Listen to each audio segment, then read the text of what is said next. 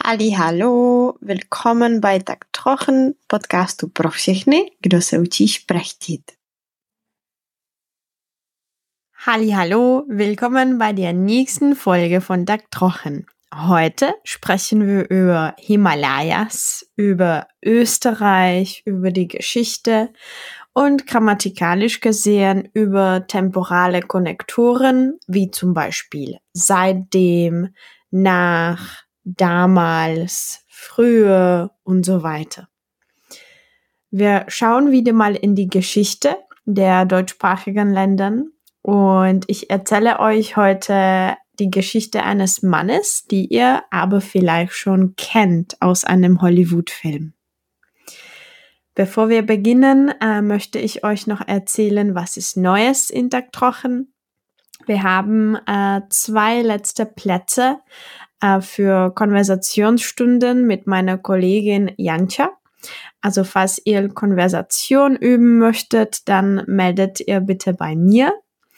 Und zu diesem Podcast habe ich für euch vier Übungen vorbereitet. Zwei Übungen auf die temporale Konnektoren, ähm, eine Übung für unregelmäßige Verben und häufige Phrasen und ein Quizlet-Set mit vielen Vokabeln aus diesem Podcast.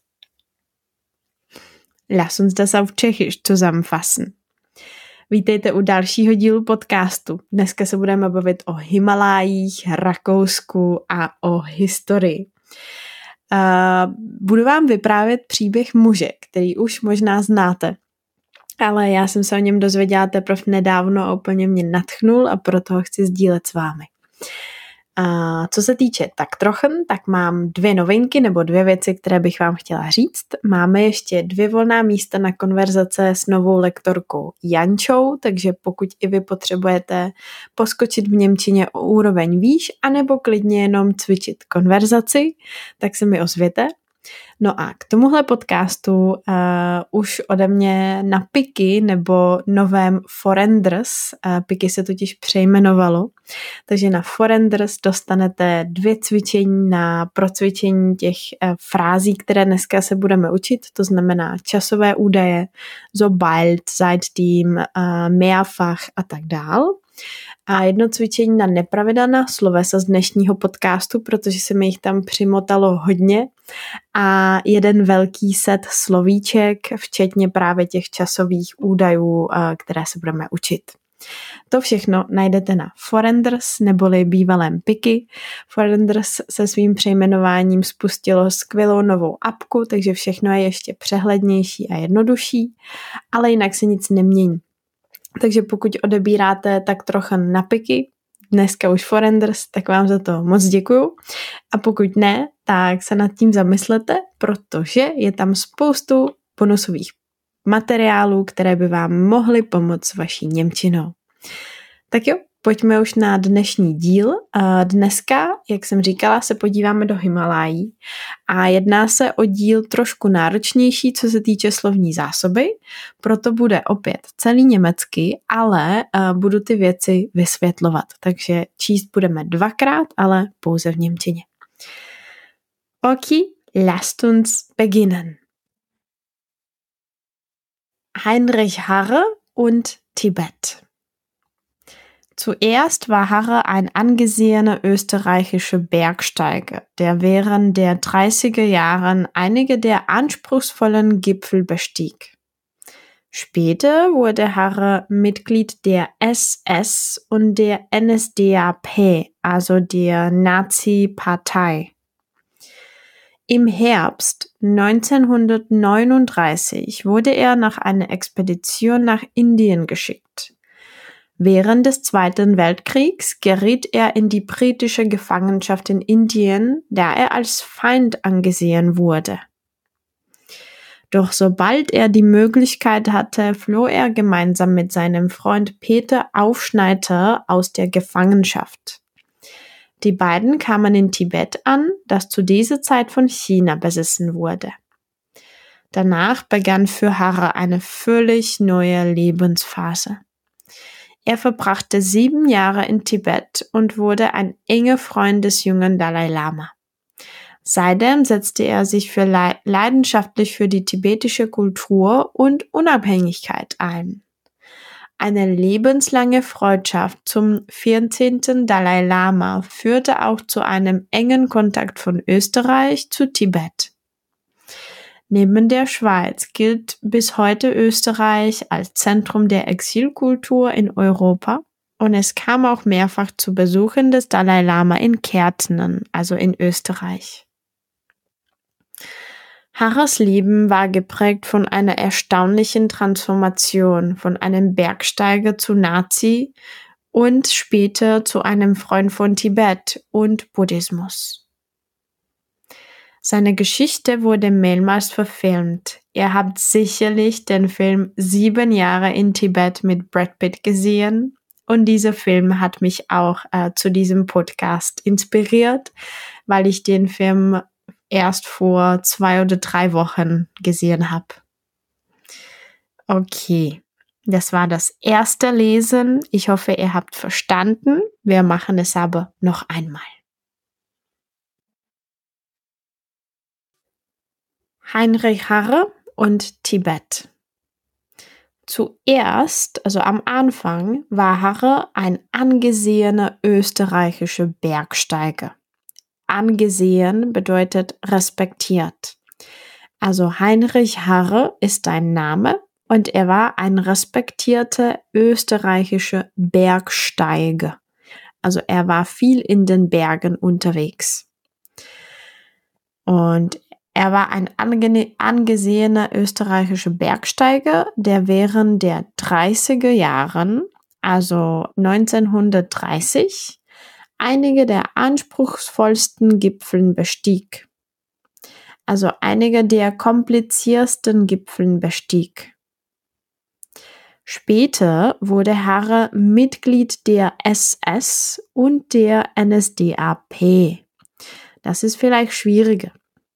Mitglied bedeutet ähm, jemand, der zu einem Club zum Beispiel geht ja, oder Mitglied einer politischen Partei, Mitglied von ODS oder von ANO.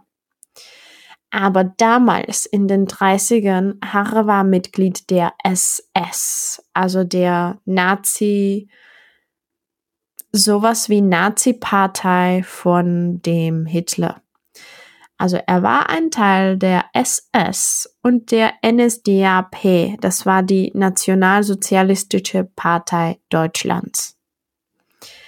Im Herbst 1939 wurde er nach einer Expedition nach Indien geschickt.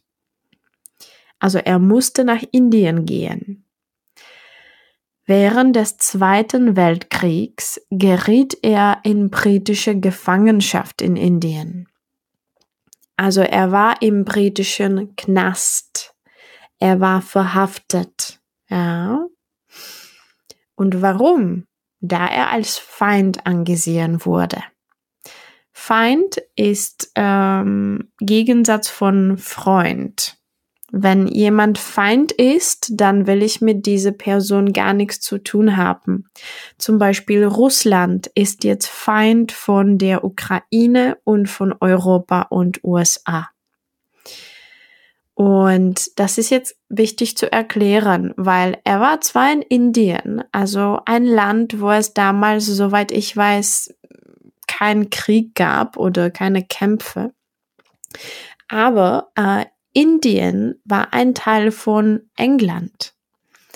Und England war der Feind von Nazi-Deutschland und Österreich.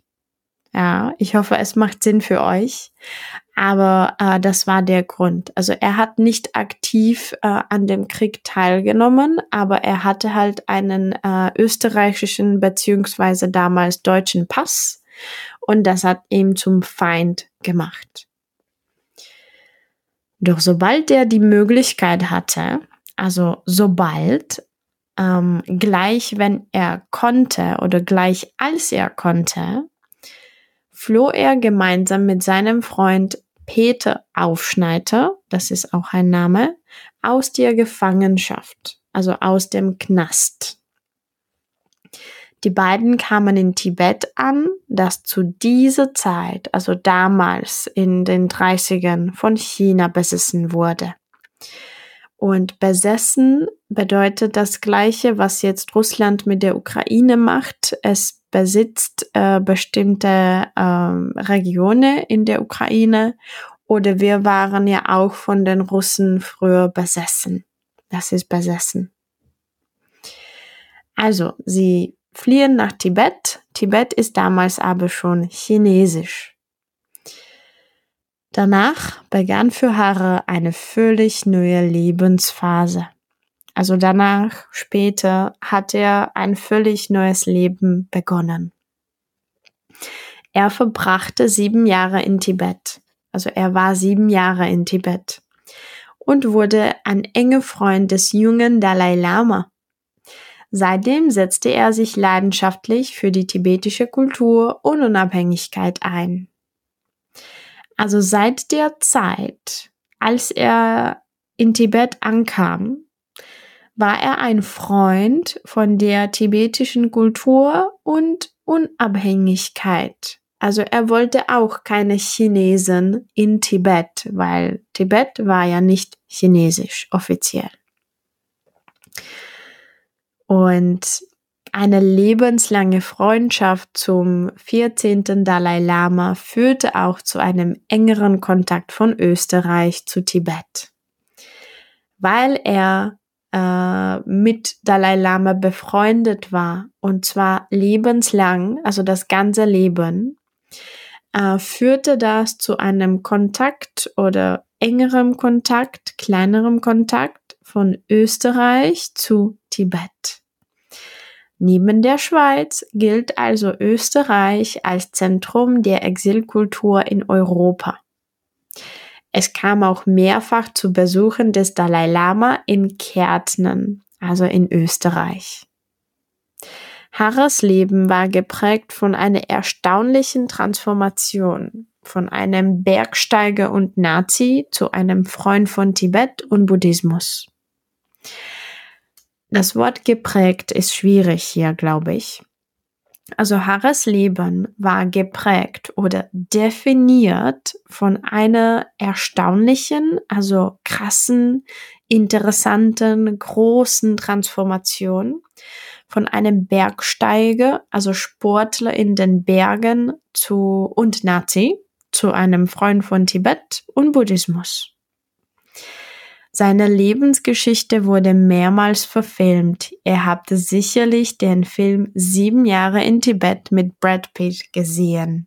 Und wenn nicht, dann empfehle ich diesen Film äh, wärmstens.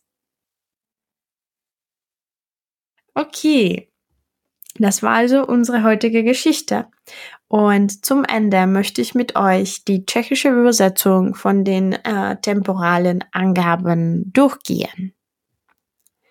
Ich sage immer ein Wort auf Deutsch und du, du überlegst, wie man das auf Tschechisch beschreibt oder übersetzt. Okay? Und ich sage zuerst. Das ist nejdřív. Während. Během. Später oder danach. Později sobald, jakmile. Zu dieser Zeit, das ist äh, jetzt, im Moment, tomto čase doslova. Mehrfach oder mehrmals. Několikrát nebo víckrát. Lebenslang, celoživotně. Seitdem, od té doby. Und nach, zum Beispiel nach dem Krieg, bottom. Okay, also alle diese Vokabeln findet ihr im Quizlet und in den Materialien auf Forenders, ehemaliges Piki. Und damit werde ich mich heute verabschieden. Ich bedanke mich. Ich bin sehr froh, dass ihr Mittag trocken lernt. Falls ihr mit unseren Lehrern lernen wollt, äh, schreibt mir bitte gerne eine E-Mail. Meine Kontaktdaten sind in der Beschreibung. und wir hören uns bald bei der nächsten Episode in Oktober. Danke und macht gut. Tschüss. Tak jste to zvládli? Jste zas o kousek blíž k vysněné úrovni Němčiny. Budu ráda, když mi na webu, Instagramu nebo na platformě Piky dáte vědět, jak se vám tento díl líbil. A taky mě zajímá, co dalšího byste si v tak trochu chtěli poslechnout. Ich bin ganz ohr. Všechny důležité odkazy najdete v popisku podcastu. Lieben Dank und bis bald.